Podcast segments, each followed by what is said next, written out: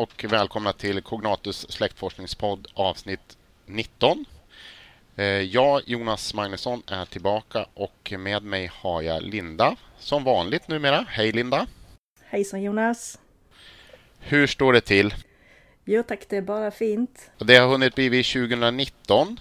2019 tror vi blir ett riktigt bra släktforskningsår, eller hur? Alla år blir bra släktforskningsår, Sant. hoppas vi. Sant, sant. Själv så har hösten varit ganska så lugn. Jag har hållit på med lite småprojekt sådär. Men du var ute på lite äventyr i höstas. Ja, precis. I november, där början på november, så var jag till Oslo och eh, på MyHeritage. De hade sin första användarkonferens. Och den höll på där över en helg. Och det var föredrag eh, i två dagar. Eh, från morgon till eftermiddag och eh, sen den ena kvällen så hade de fest. Och eftersom de som sponsrar Eurovision eh, nu i år så var det såklart fest med Eurovision-tema. Oj, trevligt. Det var väldigt trevligt. Ja. Många bra föreläsningar. De hade både ett spår som handlade bara om DNA och sen hade de om vanlig släktforskning då också. Så det var jätteintressant och, och, många bra föredrag och de finns även att titta gratis online om man skulle vilja göra det. Ja, Okej, okay. det kan vi slänga ut en länk på. Det gör vi, vi lägger den på Facebook. Absolut. Den här mässan, är den större än Släktforskardagarna eller? Nej, det var den inte. Det, det, Släktforskardagarna är betydligt större. Eh, det som var bra här, det var koncentrerat. Det var, allting var på ett hotell Föreläsningssalarna låg precis bredvid varandra. De hade en liten utställning precis utanför. Eh, det var fika nästan hela tiden. Eh, och jag tror det var 450 personer som var där. Och lunchen, man käkade samtidigt och de lyckades Logistiken funkade så bra så att alla fick liksom varm mat samtidigt och sen kunde man gå in och lyssna på, på nästa föredrag. Så det var väldigt eh, bra organiserat. Mm. Ja, vad, vad, var det för typ av föreläsningar? Då? Det var lite blandat om DNA. De pratade ju dels om vad de har på sin roadmap eller vad de har för planer för framtiden på MyHeritage. Och det som kom upp lite grann då det är det här att man ska kunna skicka in kuvert och frimärken, plocka fram DNA från äldre släktingar. Eh, de ska också försöka ehm, ha lite andra funktioner som man kanske använder andra verktyg till idag som de ska bygga in.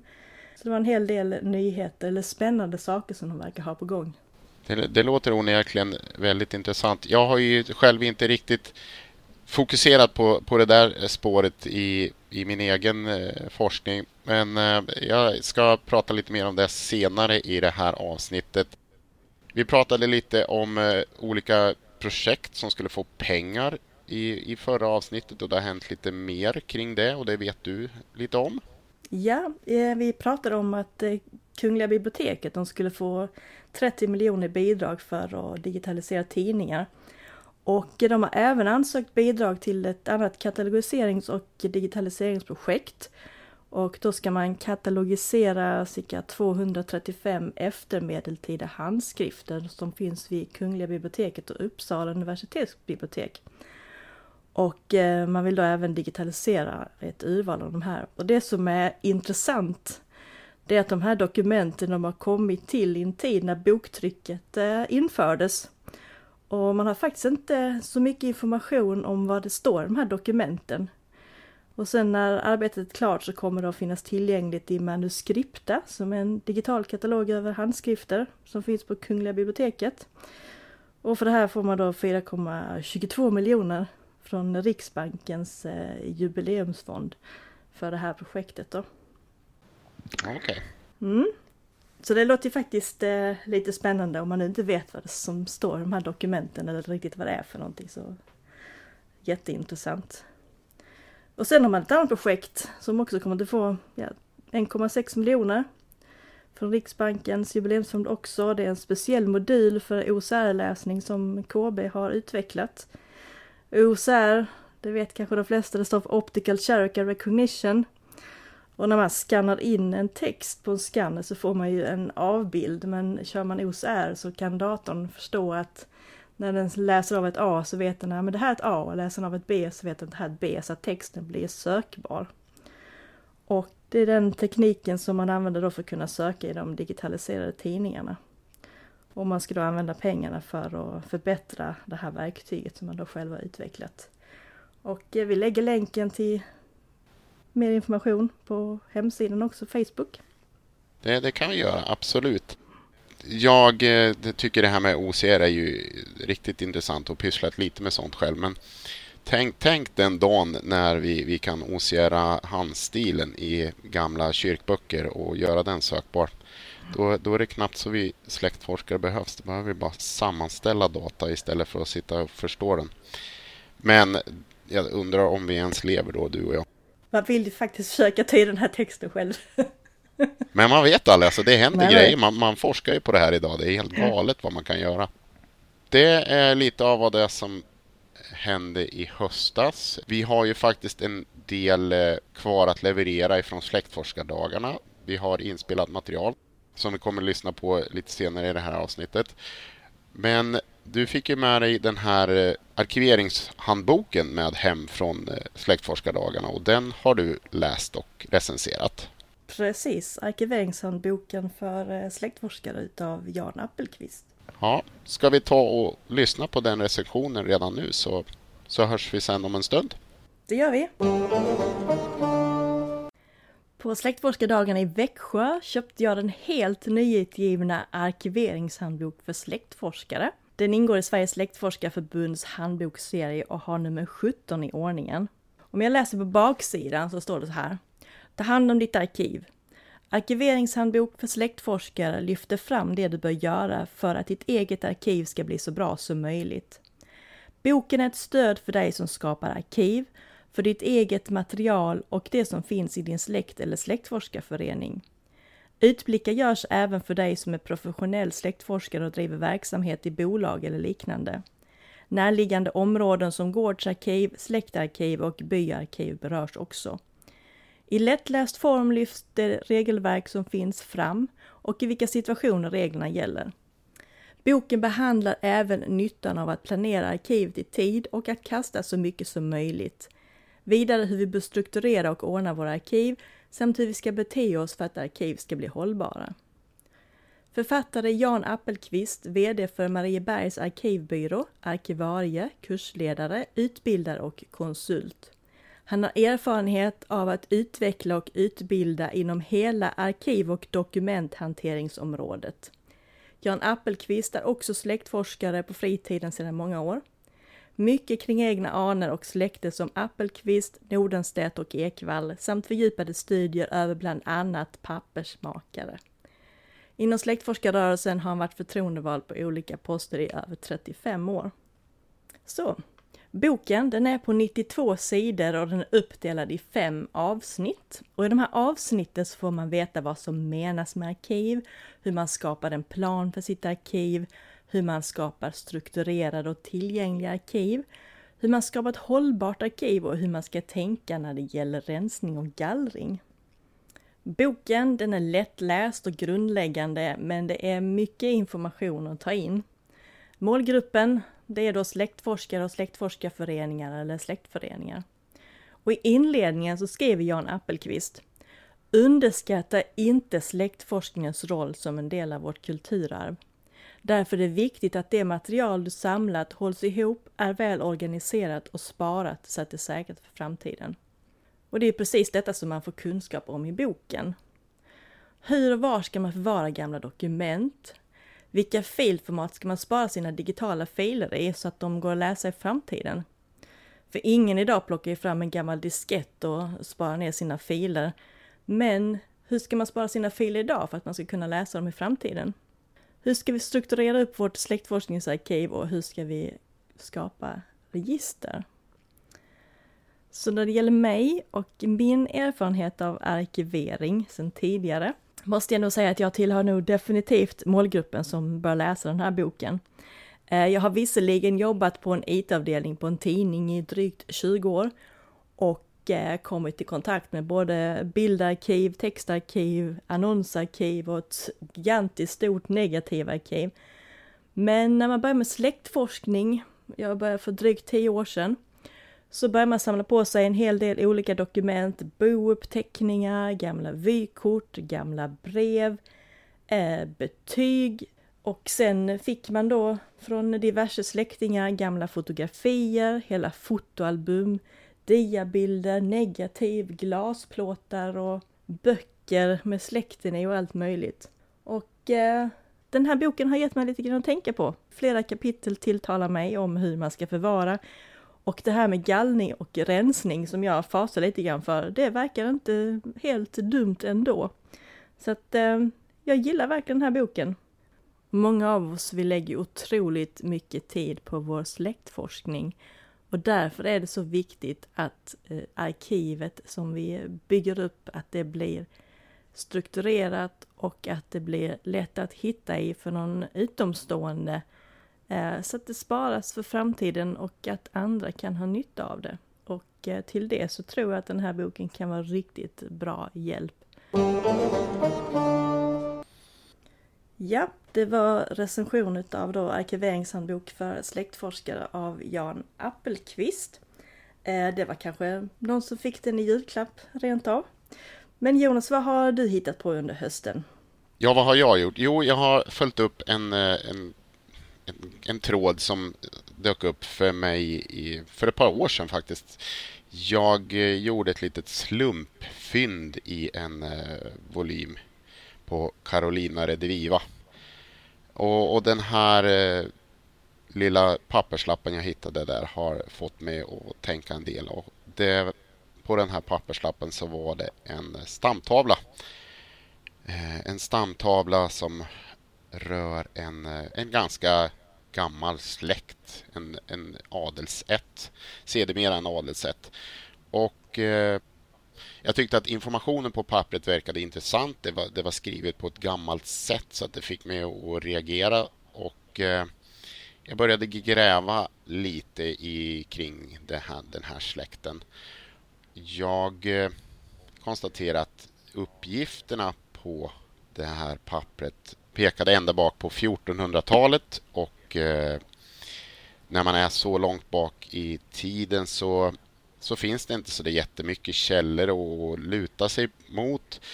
Men eh, de källor som finns så stämde det ganska så väl överens. Men jag kunde inte hitta någonstans att det här, den här, just den här stamtavlan var dokumenterad eller att man har använt den i, i forskning kring den här släkten. Då jag eh, har gått vidare och försökt förstå om det är tillförlitliga uppgifter. Det är lite annorlunda släktforskning eh, när man kommer ner på, på 1500-tal och, och rent av medeltid.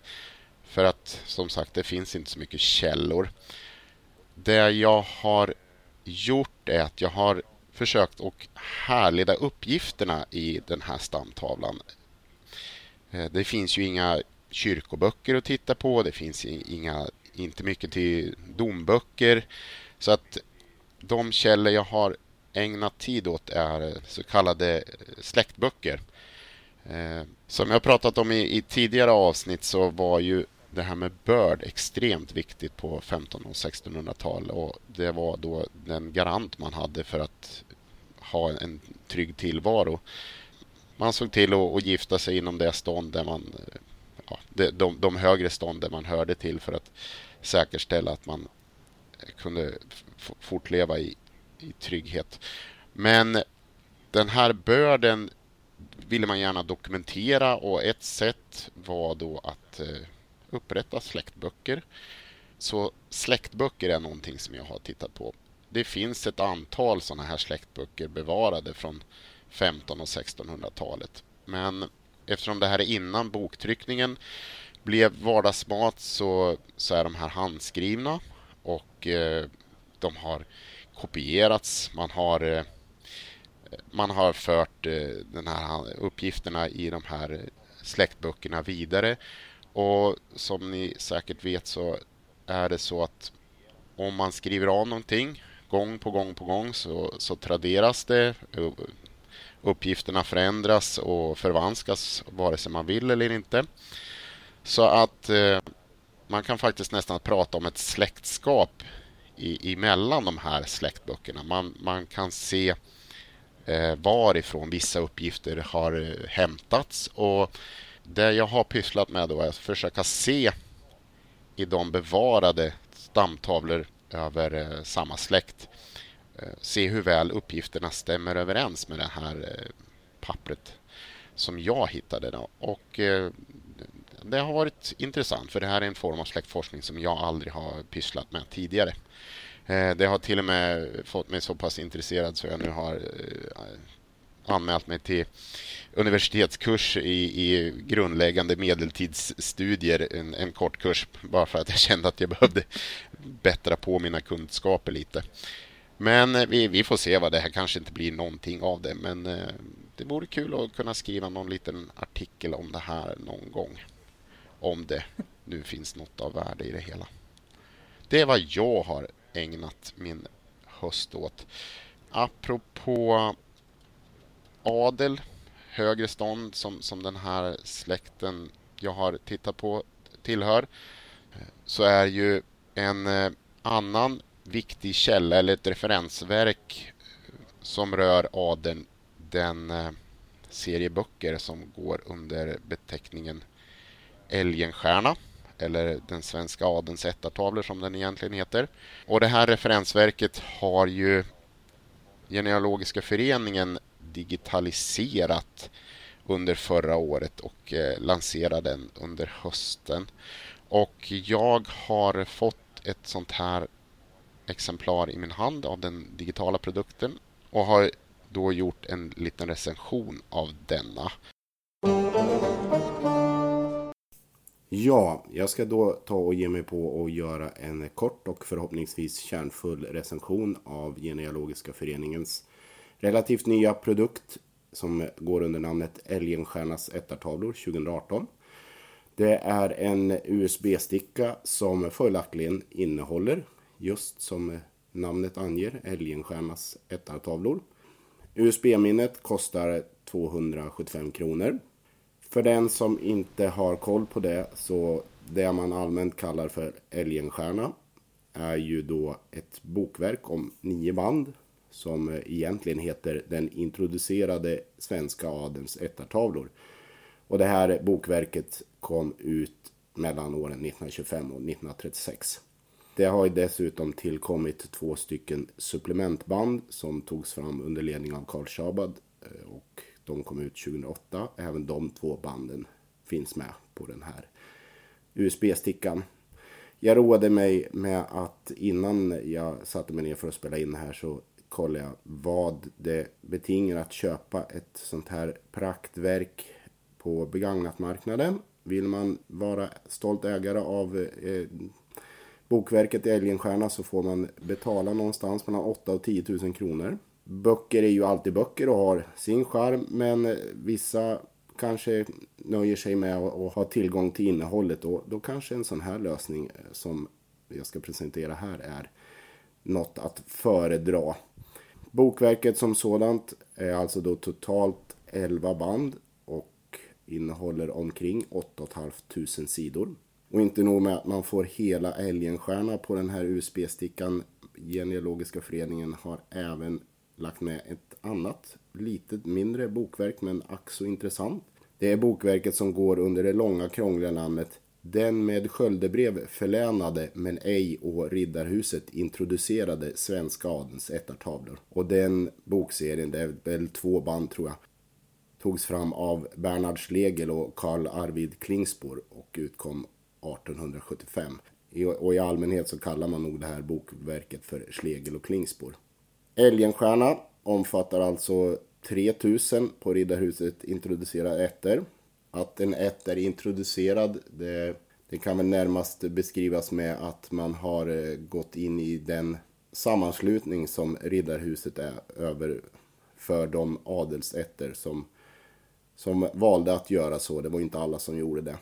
Det andra bokverket handlar då alltså om sådana, sådana ätter som inte är introducerade i, vid Riddarhuset. Enkelt formulerat.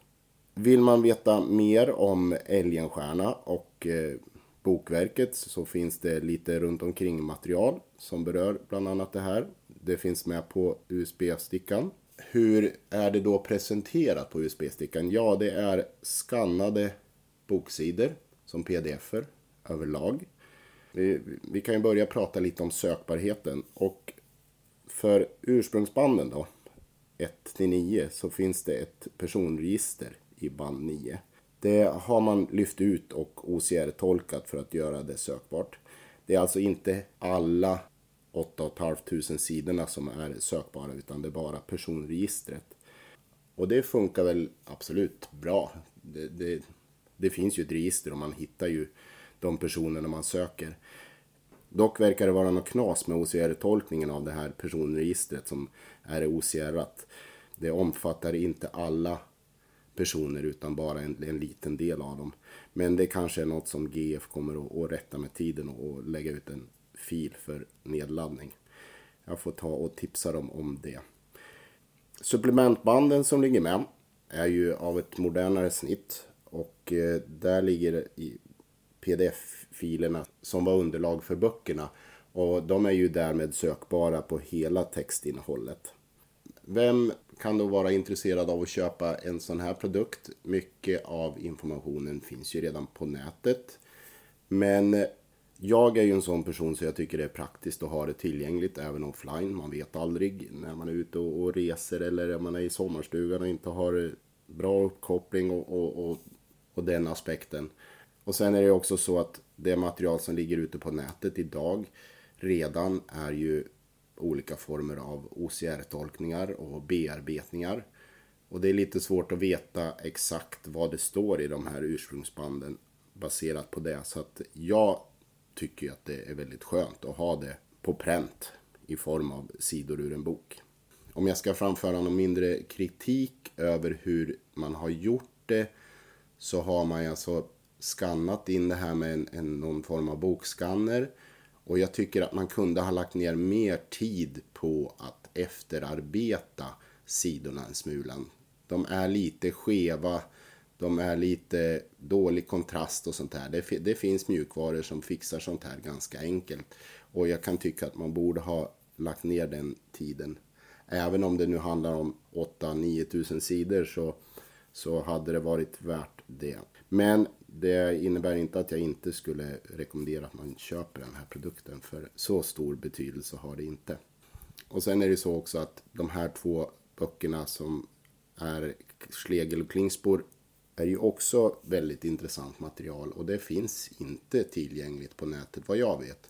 Så därför tycker jag att det är tacknämligt att få med det materialet också. Och så här lättillgängligt. Det var väl det jag hade att säga angående Älgenstiernas etta-tavlor 2018 som ges ut av Genealogiska föreningen. Man eh, kan googla på Genealogiska föreningen så hittar man deras hemsida och så kan man gå in och köpa den av dem där. Den finns säkert att hitta på andra platser också. Det var allt om den produkten. Det var alltså vad jag tyckte om eh, den här produkten som handlar om Älgenstiernas bokverk och lite därtill. Egentligen så är det lite konstigt att jag tycker att det här är en praktiskt och bra produkt för egen del eftersom jag har inga som helst eh, adliga anor vad jag vet. Men jag är ju sån så att jag forskar på, på andras anor också så att den kommer väl till pass. Hur är det med dig Linda? Har du några adliga anor? Ja, så enligt eh, familjetraditionen så ska jag ju ha lite adlig släkt i Estland, vilket gjorde att jag kände mig modig att börja släktforska i Estland, för jag tänkte att det här måste ju vara väl dokumenterat, men än så har jag inte, har jag inte hittat något. Så att eh, vi får se. Ja, okay. Men, eh, mm. har, har du något namn på ätten? Ja, Fonsek ska de heta. Fonsek? Japp. Och hur stavas det? S-E-C-K. Vi kanske kan slänga ut en fråga till, till alla där ute. Att, eh, ni, ni, som kan något om Fonsek, hör av er. Ja, precis. Det, det, fin, det finns en Fonsek-släkt och frågan är hur jag är kopplad till den. Uh, ja. Spännande. Yes, och sen hade vi lite mer inslag från eh, släktforskardagarna för du har ju pratat med Riddarhusgenealogen Göran Mörner när han var där i, eh, i Växjö. Så jag tänkte vi kan väl lyssna på den här intervjun nu. Så står jag här då återigen eh, och har en ny person vid min sida. Släktforskardagarna rullar på. Många utställare och några som ställer ut första gången på på ett tag det är Riddarhuset och bredvid mig så har jag Riddarhusgenealogen Göran Mörner. Välkommen till podden Göran! Hejsan hejsan, tack så mycket, hej allihopa! ja, Riddarhuset. Jag erkände ju för dig alldeles nyss att jag inte varit där trots att jag är ganska intresserad av vad ni pysslar med. Men för den oinvigde får du gärna berätta, vad är Riddarhuset? Ja, Riddarhuset när man pratar om det så menar man i dagligt tal gärna två saker. Dels pratar man om själva byggnaden, alltså palatset kallas ju Riddarhuset. Jag åker till Riddarhuset, jag går till Riddarhuset, jag har varit på fest på Riddarhuset. Sen så i annat säger man Riddarhuset har publicerat. Riddarhuset tycker att Riddarhuset har funderat någonting. Så är det då Ridderskapet och adeln som det egentligen heter. Ridderskapet och adeln kallas Riddarhuset som organisation och Riddarhuset bjuder in till fest och sånt där. Så det är de två olika sakerna. Om vi börjar med, med den eh, geografiska eller den, eh, den eh, palatset. Det ja. ligger i Stockholm, eller hur? Det ligger Närmare i Stockholm, bestämt. Gamla stan, nordvästra hörnet vid bron över till Riddarholmen. En vacker byggnad. Jättefin. Norra Europas vackraste barockbyggnad brukar man säga. Ja, okay. En renässansbyggnad. Ja. Nu gick det snabbt. Ja. Men berätta lite om, om vad, vad, är det för verksamhet? Vad, det, det historiska arvet, vad är det för något? Ja, vi värnar ju ett historiskt arv, det är vår lilla slogan nu för tiden då, i, den, i de här tiderna. Eh, så att Riddarhuset har ju så att säga huvudobjekt som man skyddar och vårdar. Dels är det själva byggnaden, palatset. Det är ju väl underhållet. Det är helt privat. Det ägs fortfarande utav Ridderskapet och Adeln på mark som ägs utav Ridderskapet och Adeln. Eh, inte en skattekrona går till finansiering utav det, inga EU-medel, ingenting. Utan det är våra medlemmar som betalar för driften och skötseln och underhållet utav det här. Så det är palatsvård och där kan man också räkna in då vård utav det som finns där inne. Arkiv, eh, böcker, möbler, tavlor och sånt där. Det ingår i den. Sen har vi då stiftelseförvaltningen med någonting 2-3 miljarder. Jag inte, det beror på börsutvecklingen. Det handlar om då 300 någonting stiftelser som Riddarhuset förvaltar. Och det är alltså testamenterade pengar utav medlemmar, ibland faktiskt inte medlemmar till och med, som har upprättat en stiftelse för att dela ut pengar till till exempel studenter, studeranden eller fattiga som understöd, i synnerhet änkor. Och det förvaltas utav Riddarhuset där man kan ta en liten promille i 2-3 någonting, alltså jättelite, i, avkastnings, alltså i förvaltningsavgift för att finansiera driften av palatset. Så det är en, en av inkomstkällorna. Men det betyder alltså att 99, någonting procent av de där 2 miljarderna är inte Riddarhusets fria pengar att använda på något sätt. Eh, och det, den tredje benet då, förutom palatset, stiftelserna, är stamtavlorna. Mm. Och det är där du kommer in? Ja, mm. och då är jag riddarhusgenealog och ansvarar för arbetet eh, med stamtavlorna, även om jag kanske inte själv alltid tyvärr hinner skriva så mycket stamtavlor, utan jag har något övergripande ansvar för att se behov, vad vi, ligger vi efter med, hur ska vi förändra arbetet och så vidare. Och jag har även arkivansvaret. För, för de som inte riktigt har kläm på det här, alltså det, det handlar om adels, svensk adel. Ja. Men eh, man gör ju också skillnad på introducerad och ointroducerad adel. Och när man pratar om introducerad, då är det att man är introducerad vid Riddarhuset. Ja, för du mm. kommer ihåg det, adel, präster, borgare, bönder. Det här är alltså adelns riksdagshus får man ju säga. Och man måste ha koll på vilka får representera och det är så Riddarhuset uppkommer. För adel, präster, borgare och bönder fanns ju innan Riddarhuset. Men Axel Oxenstierna och Gustav II Adolf klagade över de lösliga förhållanden som adeln uppträdde på riksdagarna. Så att prästerna hade ju koll på vilka som var präster och borgarna hade ju stenkoll på vem som hade skrå vilken stad. Och bönderna visste vem som ägde vilken jord och så vidare. Men adel, du kunde ju komma liksom i, i jättefina kläder och ha slott och allting och sen kunde du bara vara en, en krigsveteran som var urfattig och ändå hade rösträtt vid adel.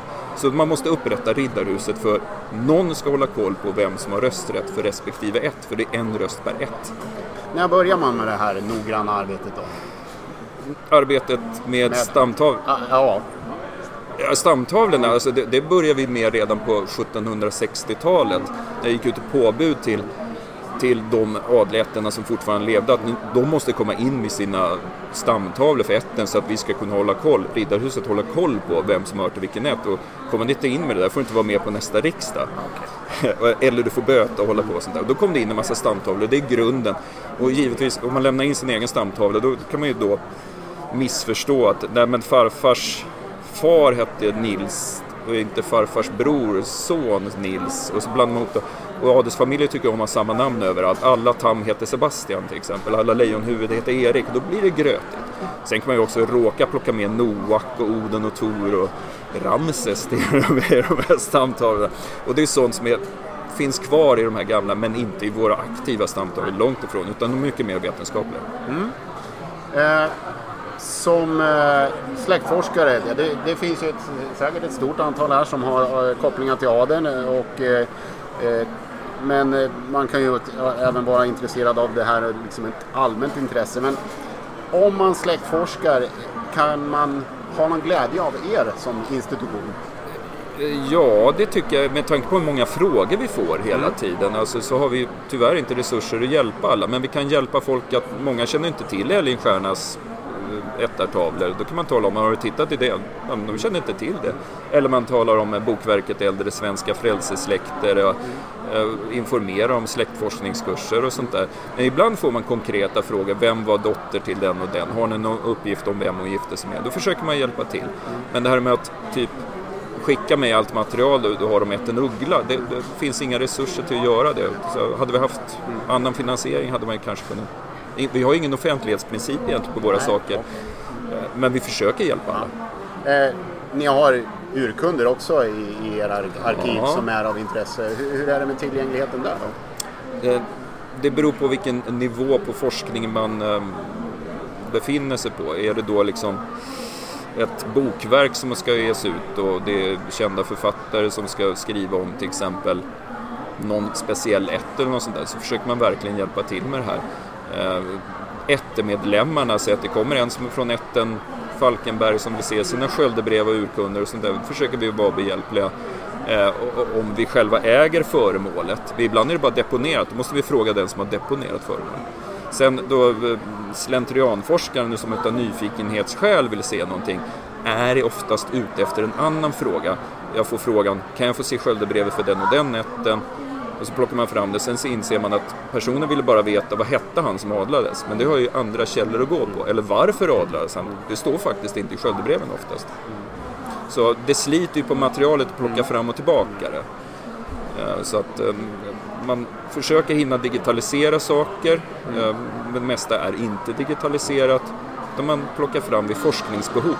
Men det ni digitaliserar, det är ingenting ni publicerar på webben? Nej, inte för tillfället, men vi har sådana planer. Mm. Jag kan inte gå för mycket i förväg där, men vi kan väl alla enas om att ha en fantasi om att man går in på Riddarhusets hemsida och så, och så skriver man då vaktmeister så får man upp att så här ser vapenskölden ut, så här ser sköldebrevet ut. De här böckerna finns i ämnet. Eh, släktföreningen kan du kontakta så här och, och så här ser stamtavlan ut vad man nu kan visa utav det med tanke på GDPR och sånt där. Men det vore en optimal lösning, men det finns inte ekonomi och resurser till i dagsläget. Inte. Det gör det inte. Men digitaliseringar och databaser blir billigare och snabbare hela tiden.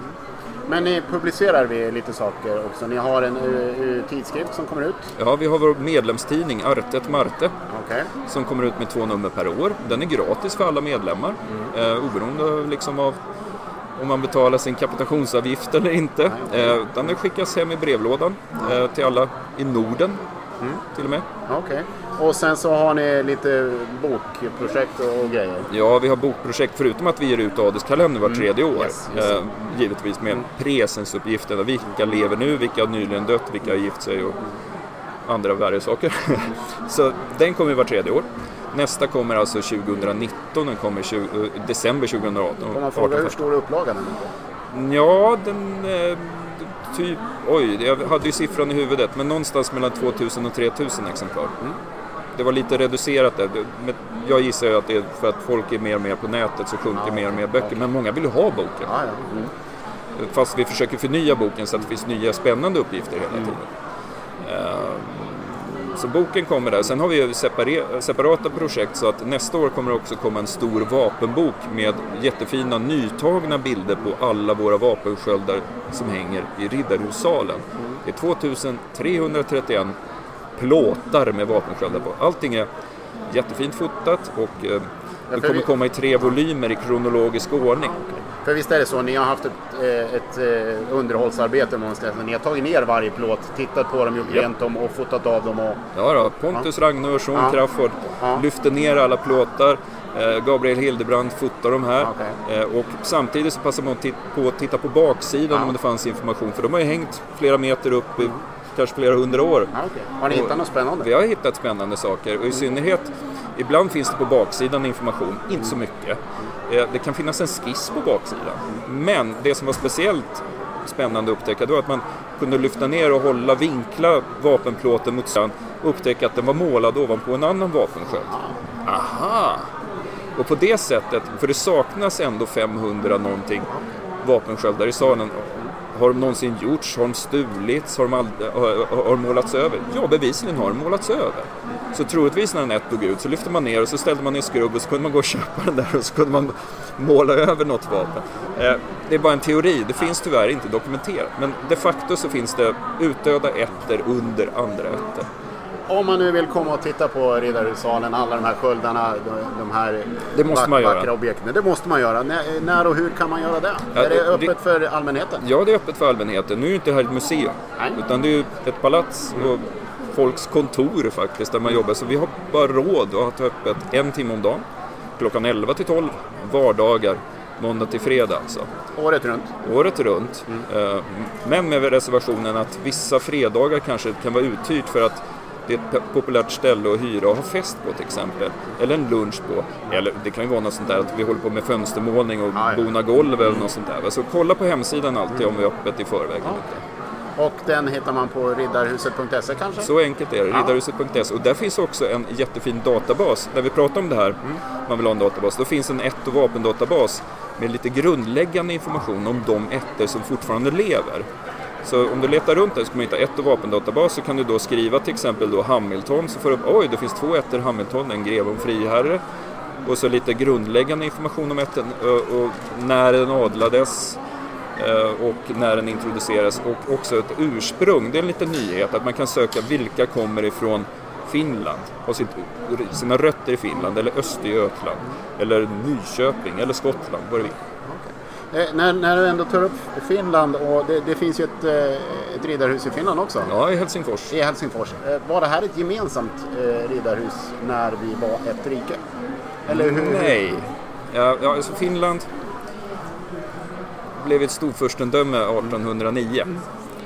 Eh, och så förhandlade man med tsaren. Alltså, du är bara rädd att tampa någon, någon finländare på tårna här. Men de, de gjorde en utmärkt förhandling liksom, där de fick behålla mycket av sina egna regelverk och vi sköter oss själva lämnar oss i fred och så vidare. Så att de hade ju svensk lagstiftning, svensk mm. kyrkobokföring och sånt där. Och förresten så har vi en adel här, ska vi inte, vi gör det, vi kopierar Svenska Riddarhuset. Ja. Så det instiftades då 1818, det tog en stund och sen Riddarhusbyggnaden är 1860 någonting som den tillkommer.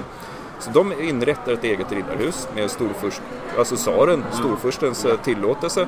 Och då har man då, immatrikulerar man de ätter som har ett svenskt adelskap som befinner sig på plats i Finland då, upprättar en egen nummerordning och egna ranger och klasser. Och så börjar man om. Och, ja, man fortsätter ja, och börjar om. Ja, okay. mm. Och man börjar då med, tsaren adlar ju folk. Mm. Eh, med alltså ett ryskt adelskap. Mm som då immatrikuleras i Finland. Så man kan säga att början där på Finlands riddarhus är svensk adel och sen blir något som kallas ibland förklenande ryssadel. Men det, det, handlar om finsk adel faktiskt, för det är ju, de är naturaliserade och introducerade finska eller finländska ätter som man tyder. Sen fanns det ju riddarhus i Estland, Livland, Kurland, Ösel och Pommern är nästan helt bortglömt. Alla de här, de fanns dock som byggnader och institutioner fram tills att det här blev taget utav ryssen och andra länder och så vidare. Och sånt där. Men, eh, och de, i vissa fall finns byggnaderna kvar också. Mm. spännande att få höra. Jag inser ju själv att jag måste ta mig dit någon gång. Det, det får bara lov att ske. Men eh, vi får se när det blir av och då hoppas jag att vi kan träffas och prata lite mer kanske. Jättegärna. Eh, jag får tacka så jättemycket för pratstunden och ha en fortsatt trevlig vistelse här på Släktforskardagarna. Tack Jonas, det har varit jättekul att vara med här. Mm. Tack, hej! Tack, hej! Det var riddarhusgenealogen Göran Mörner som berättade då lite om vad Riddarhuset är för något. Och eh, därmed så har vi nog levererat vad vi hade tänkt att leverera i dagens avsnitt. Det händer ju lite saker framöver i Släktforskar-Sverige. Den 19 nu så är det dags för Släktforskningens dag. Det här återkommande arrangemanget varje år över hela Sverige och årets tema är fotografi och släktforskning. Jag, jag har tyvärr inte tid och möjlighet att engagera mig i år, men du ska göra lite saker va Linda? Ja, jag ska fira eh, den här speciella dagen och vara på eh, Helsingborgs stadsbibliotek tillsammans med Helsingborgs släktforskare och bygdeförening där vi kommer att hjälpa folk med släktforskning. De kan ställa frågor om DNA eller migranter eller hur man kommer igång. Så att, eh, vi, vi brukar vara där på släktforsk släktforskningens dag så det brukar vara jättetrevligt och många besökare. Så att, eh, det blir riktigt, riktigt roligt. En annan sak som är i antågande som vi har utlovat sedan tidigare det är att vi ska göra ett litet inslag om DNA-arkeologi. Vi har fått in ett antal frågor och vi ska slussa dem vidare till berörda personer på Uppsala universitet som ska få chansen att eh, besvara de här eh, när jag träffar dem. Vi kan väl puffa lite för det inslaget som kommer antingen i nästa eller möjligen i avsnittet efter det. Vi får se hur, hur tiden passar. Mm, det ska bli intressant. Vi har faktiskt fått in en hel del eh, frågor av eh, er lyssnare. Så att, eh, riktigt bra frågor. Därmed kanske det är dags att tacka för oss. Vi finns ju som sagt var på Facebook på cognatus.se. Där finns vi och där hittar ni alla länkar vi har pratat om idag. Och eh, om man vill eh, mejla oss så kan man skicka ett mejl till podd.cognatus.se. Och vi ser givetvis fram emot eh, förslag på inslag, eh, saker vi kan göra bättre. Vi kan väl också flagga för att vi är intresserade av att få med fler personer i redaktionen. Eller hur, Linda? Absolut. Det är bara trevligt om vi kan få fler som vill göra inslag eller som vill vara med och hjälpa till på olika sätt. Mm. Det är bra om man har lite vana att eh, redigera ljudfiler. Det gör vi en del. Det är bra om man har eh, lite teknikvana. Eh, det är också jättebra om man är intresserad av släktforskning. Det, det, det, är, väl, det är väl det som är huvudgrejen tror jag. Ja, det, det, andra behöver man inte vara expert på och det behöver man väl förvisso inte vara på släktforskning heller. Men man ska tycka att det är roligt att, att prata om sånt som vi pratar om. Vi tackar alla som har lyssnat idag och så hörs vi i nästa avsnitt. Jajamän, det var allt från Jonas och Linda.